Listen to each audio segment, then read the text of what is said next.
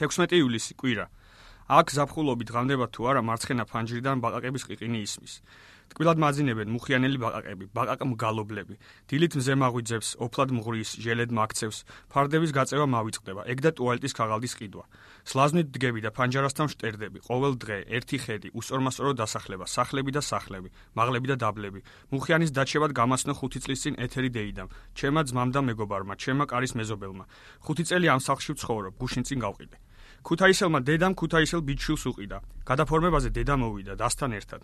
დილით უნდა დავცალო ჩემი პირველი ბინა, გავაშიშლო და დავაგდო. ავაბარგო ნივთები და წავიდე. სევდიანი ვარ, იყინი აღარ მაძინებს. მომენატრება. ვინის კლიენტს უთხარი გამგამობით ბაყაყებით იყინებენ მეთქი და მაკლერმა ცალკე გამიყვანა, ეგეთები აღარ ქნაო. გაიქცევიანო. არადა ამ ბაყაყების ყიყინის გარეშე როგორ, რანაირად, არსადაც არ გაიქცნენ. მითხრეს, кай ხუმარა ბიჭი ჩანხარო და იყიდეს. ვერ დავიძინე, ვერა. ტელევიზორი ჩავრთე. განმეორებით აჩვენებდნენ ქართული მარშის ამბებს. სულ კაცები, სულ ბიჭები, შავებში და შიშებში, ნაციონალიზმი და მამაკაცურობა, ტაში. აბა ვკაცობთ ყველა, ვინა ბიჭო, ქართულობას გვართმევენ. ავდექი და გავაჩახშახე სახლი, პატარა, 36 კვადრატი, უსწორმასწორო კედლები, მოსკოვის პროექტი, მარში, მარში. მოსკოვის პროექტიდან მივდივარ, უცხოელები გვავიწროებენ, აუპატიურებენ ქართულ გოგონებს, ისმის ხმა, ტელევიზორიდან. დავიარე პატარა სახლი, ქართული ალტერნატივში კი როკერების ხმა დავიყენე და ჩუმად ლაპარაკი დავიწყე. მე გადმოვცურავ ზღვას და მე მარტო ვარ ვითმეფელირი, ჩემო ხმამ დამბურძგლა და მე მარტო ვარ ვითმეფელირი შენთან განშორებისას. ჩემო სახლო, ჩემო პირველო სახლო, სახლო, პატარა სახლო, ბოდიში, გაკიდე, ჩემო მეგობარო, გტოვებ. ერთგულად მემსახურე 5 წელი. აქედან რო წავალ ღმერთო, შემაიმონოვირიშვილო, მე რა მოხდება? როგორ ვიცხოვრებ ახალ სახლში, რომელიც უკვე ვიყიდე? უცბად, ეგეც გუშინწინ. ჩეხური პროექტი ალყაზბეგზე. მოსკოვიდან ჩეხურში გადავდივარ, რუსეთი, ევროპის წინააღმდეგ, თუნდაც აღმოსავლეთ. იქნებ მერე ცოტა ფული მოვაგროვო და პრაღაში წავიდე. კაპკა მეზიზღება. ჭკვიანები მიკიჟინებენ კაიაო, ჩემი კოლეგა მარიამი ამბობს, მაგის ტკივილიაო, ნაღდიო. მაინც მეზიზღება. პრაღაში უნდა წავიდე და დავადგინო რატომ მეზიზღება. რაშუაშია, მაგრამ მაინც. ინგა გრიგოლია გახკივის, როგორ ფიქრობთ, რა ძალად გას ქართულთა მარშის უკან? დამათენდა. აჰა, აჰა, ვეა, ვეა, დღეს 16 ივლისია. დღეს მოსკოვიდან პრაღაში მივემგზავრები. მანამდე სახლია დასასრელი. გაზი გადასაკეტი. 9-ზე გაზის ხელოსანი მოვიდა, ბაკურციხელი პაპა, მუხიან გაზის ლომი. შენი თელავალი ბალღი არა ხარ, კარმაზი ნაპრესკალჟო დაგიყენეო, ეგა ვარ მეთქი. სად მიბარგდებიო ვუთხარი? დაცარიელ და სოფელიო, რაიონიო, გარეუბნებიო, სახელმწიფოა ცუდიო. თუ ყოველას თბილისი უნდაო, ცენტრში ცხოვრებაო. მე უთხარი გირჩი ამბავს გლეხობა ტეხავსო. გირჩი ის არ არის პლანები რო დათესესო, ნეტა მოცლიათო. შრომელი კაცი პლანებს არ გაიგეთებს. რაღაცები დახსნა, გაიოფლა, ხელოსნებსა და მუშებს ცხვირზე ოფლი რომ ჩამოუგორდებათ და იატაკზე ეწვეთება ეგ მიყვარს. ამა ჩემი ჟესტიანჩიკია, ღაჟღაჟა კაცი, შრომისგან დაღლილი და ცხვირზე ოფლის წვეთა. ხო და ვინმე, სადმე თუ მუშების გვერდით დადგებით, ჩაგკოცნეთ. გაზის პაპამ სატვირთო მანქანის ნომერიც გამიგო და წავიდა. 12-ისკენ გულისწორი ანა ამოვიდა, კოხტა, კოპცია, ჰაეროვანი, შავი შორტებითა და წითელი სანდლებით. სამზარეულოს მე მივხედავ და ზალა შენ მოვაცარიელიო. მე ვიჩხუბეთ, მაგრამ შენ რანაირი გენდერის კვლევარი ხარ, ხალს პატივს არ შეცემო, წამომაძახა, მართალია. მე შევრიგდით, გამიღიმა და სახლი დავაცარიელეთ. ტანსაცმით და ციგნებით, გავტენე პარკები. ამხელა ბუმბერაზი ხალხი ცელოფნებში ვტენე, წიხლით. საღამოს კუპატა მოვიდა, მანქანით. სხრევადი ბარგი გადავიტანეთ ახალ სახლში, დავრჩი, ვერ დავიძინე. სხვა ადამიანების სუნმა შემაწუხა. პირველი ღამე, ჯერ კიდევ სხვების სახლში ძალიან გამიჭირდა. 17 ივლისი, ორშაბათი. ავდექი თუ არა მუხიანის ბინაში გავქანდი. 11 საათზე სატვირთო მოვიდა. ძღოლი რუსულებს უსმენდა. ახ კაკაია ოსენ ლაგერი ახ მამაჩემი სტოლა ორი მუშა მოყვა ერთი ავადმყოფურად გამხდარი ფიოდორ მიხაილოვიჩ დოსტოევსკის სახით და მეორე ჯანიანი ბრედპიტული ქერა ქერა სასწაული ცისფერთვალა არამსხვევადი ნივთებით დატვირთეს მანქანა. ახალ ბინაში ლიფტით დაიწყეს აზიდვა თუმცა მალევე ვიღაც ხალი გამოვიდა და ლიფტი გათიშა გაფუჭდებაო. ძღოლმა აი ამას მუხიანში არავინ იზამდაო გარეუბნებში უფრო იციან ქართველობაო. გამხდარმა მუშამ ეს რანაირი ცხოვრება გვაქვსო გაჭირვებულიო არავინ არის ჩვენი პატრონიო პუტინი უყვარს რუსხალსო ჩვენზე არავინ ზრუნავსო. მე ვთხარი მეც მიყვარს პუტინი ლამაზი კაცია მოეფერებოდი მეთქი კაი ხუმარა ბიჭი ჩანხარო არ დამიჯერა. სახლში ატანილი ნივთები აქეთ-იქით მივყარე და უკან მუხიანში დაუბრუნდი. კიდევ მოვავლე თვალი ჩემს ყოფილ ბინას. სახლდან კედელს ჩავეხუტე და უკან დავბრუნდი ახალ სახლში ტაქსით. ძღოლი შემხვდა უშველებელი უდანაკარგოდ ჩაჭედილი მანქანის სავარძელში ისეთი ტემპით ვივსები მალე მეც ასეთი გავხდები მეთქი გავიფიქრე გვიან მეგობარ ნათესავები მოვიდნენ. პლატონა და გუგა ლუდი დავლიეთ. პლატონამ პარიზში ვიყავიო ევროპა სულ სხვა და იქაურ ბენდებს სულ სხვანაირი საუნდი აქვთო. აი მაგალითად დეფეჩ მოუწო ძღოლს მოწონს რუსული ზვუკები პლატონას მოწონს ბრიტანული საუნდები. ფაცებუქზე შევირბინე ცოტახნით ბაიამ ქალების მარში დაანონსა. ტელევიზორი ჩავრთე. სახლის სახლად მაშინ ვიცი თუ ტელევიზორი გუგუნებს. მარტო ცხოვრებამ ტელევიზორთან დამამეგობრა. კორკოტას ამეორებდნენ გაუპატიურებაში ძდებდა ბრალს ტურისტებს. ირანელებს თუ არ ვწდები აჩკი ეკეთა. ტექსტა კითხულობდა. ვაი მაგის პატრონს ლუდმა დამათრო, მაგრამ არ დამაძინა. სუნი, სუნი, ყველა სახლი ადამიანია, თავისი სუნი აქვს. ყავის, ლიმნის, რძის, დედის რძის.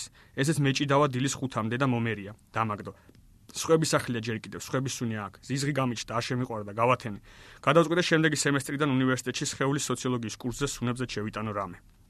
18 ივლისი, სამშაბათი. დილით დარეტიანებული წავედი სამსახურში, გასავათებული, დაჩიავებული ნაბახუსების მელანქოლიით. ორი დოკუმენტი გამომგზავნა სამსახურის უფროსმა და ლამის ვიტირე ისე ვიტანჯე. შინაარსი ვერ გამომქონდა ტექსტიდან. სუნი, სუნი არ მტოვებდა. მთელი დღე მეძინებოდა. სახლისკენ თანამშრომელმა დამიგზავნა გზაში უთხარი. მასევდიანებს იმაზე ფიქრი თუ როგორი პლასტელინები ვართ, ადამიანები, ლიმიტირებულები და ფაქიზები. როგორ გძერწავენ ინფორმაციები. როგორ გვეშინია მხოლოდ ფიზიოლოგიის ამარა ყოფნა და როგორ ქმნით კულტურასა და ინსტიტუტებს. ფილოსოფიური ანთროპოლოგია, არნოლდ გელენი, ინსტინქტების დეპრივაცია, ადამიანი როგორც დაუსრულებელი არსება. დასრულების შანსის მქონე. ქმნით და ქმნით ინსტიტუტებს, შიშის დასაძლევად, ჩვენივე მსგავსებისგან თავის გადასარჩენად. ჩვენ ქართველებიც ქმნით ინსტიტუტებს, ძირითადად რუსულებსა და ამერიკულებს. რომ დავსრულდეთ, რომ არ გაგვანადგურონ დიდმა ქვეყნებმა, საცოდავი ქართველები, გლობალიზაცია, ლოკალიზაცია, ამენ.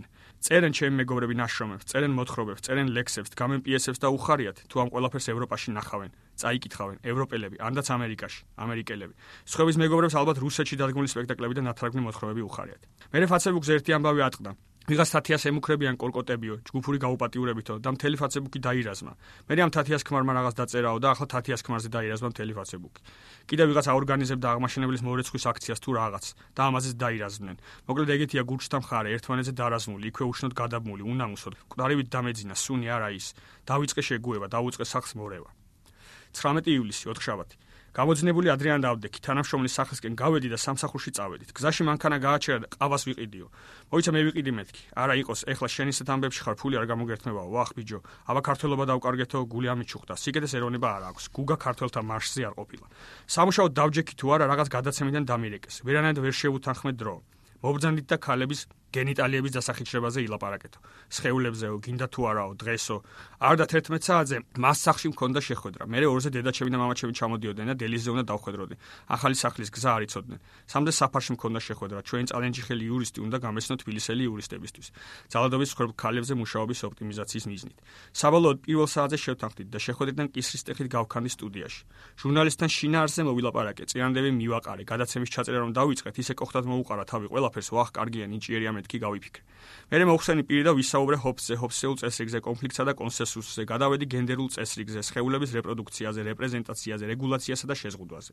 ყველაფერი ერთმანეთში ავზილე და თხრობის ნაკადი დაუკავშირდი ქალების გენიტალიების დასახიჩრებას. ავარიელ ქალებს ყვარლის რაიონში. მე ცოტა ენჯეოშნიკური და დავარსნილი რეჩები მოვცხე, რომ ეს თემა ფაქიზია და ჩვენ ევროპული ცოდნითა და გენდერული წესრიგით ვესხვით მცირე ეთნიკური ჯგუფებს და არ ვითვალისწინებთ ინდიჯენისტური ფემინიზმის პრინციპებს, ეთნიკური ჯგუფების უნიკალურ თვისებებს და თავს ვახობთ ჩვენს ცოდნებს, სოციალურ წესრიგებს და ასე შემდეგ. მოკლედ მაგრად ვიქაქანე. ოპერატორი ან ორგანიზატორები ან ჟურნალისტი ან დავაოსე ყველა. დიდი მადლობაო, კაი იყო, დავემშვიდობე და წამოვედი. სტუდიიდან დელიზე ავირბინე. ზაში საკუთარ თავზე გულისრება დამეწყო, სულ ასე მემართება, როცა კი ბევრს ბრძენობდა ვქაქანებ. მალევე გამიარა, სიცხე მიწავლა. კაი საათნახევარი მალოდინეს ჩემებმა, ნაირამ და ბადურამ. საფარში ვაგვიანებდი, აი რად მინდოდა და ახლა მათი ჩამოსვლა ვფიქრობდი, დამატებით პრობლემების შემექნება, დავიწყე უძღები შვილის ფიქრები. მაგრამ დედა ჩემს უხეშად ვერ ვეტყვი ვერაფერს, იმიტომ რომ ტყემლები მოაქვს და კადლეტები პარკებში ჩალაგებული და თავმოკრული. ვერს მამაჩემს დავემდურები იმაზე, რომ თბილისის გადატვირთულ გზებზე სწრაფად მოძრაობა უჭირს. ასაკშია, თელავის სიმშვიდეს არის მიჩვეული. მაგრამ შეხვედრაზე დავაგვიანებ და დანაშაულის განცდა გამიჩნდება, რომ უპასუხისგებლო ვარ. ბერძნულ ქრისტიანულ კაპიტალისტური მორალი, დანაშაული, დანაშაული, დანაშაულის განცდა ყველგან. დამეს დავარბიო რაკეთიკით, რომ კაი კაცი ვიყო. უდანაშაულო შრომელი და ყოჩაღი. აბა ვინ არის ზარმაცი? უტუტუტუტუტუ მე ვარ ზარმაცი და ამ ჩემს ფეხებს.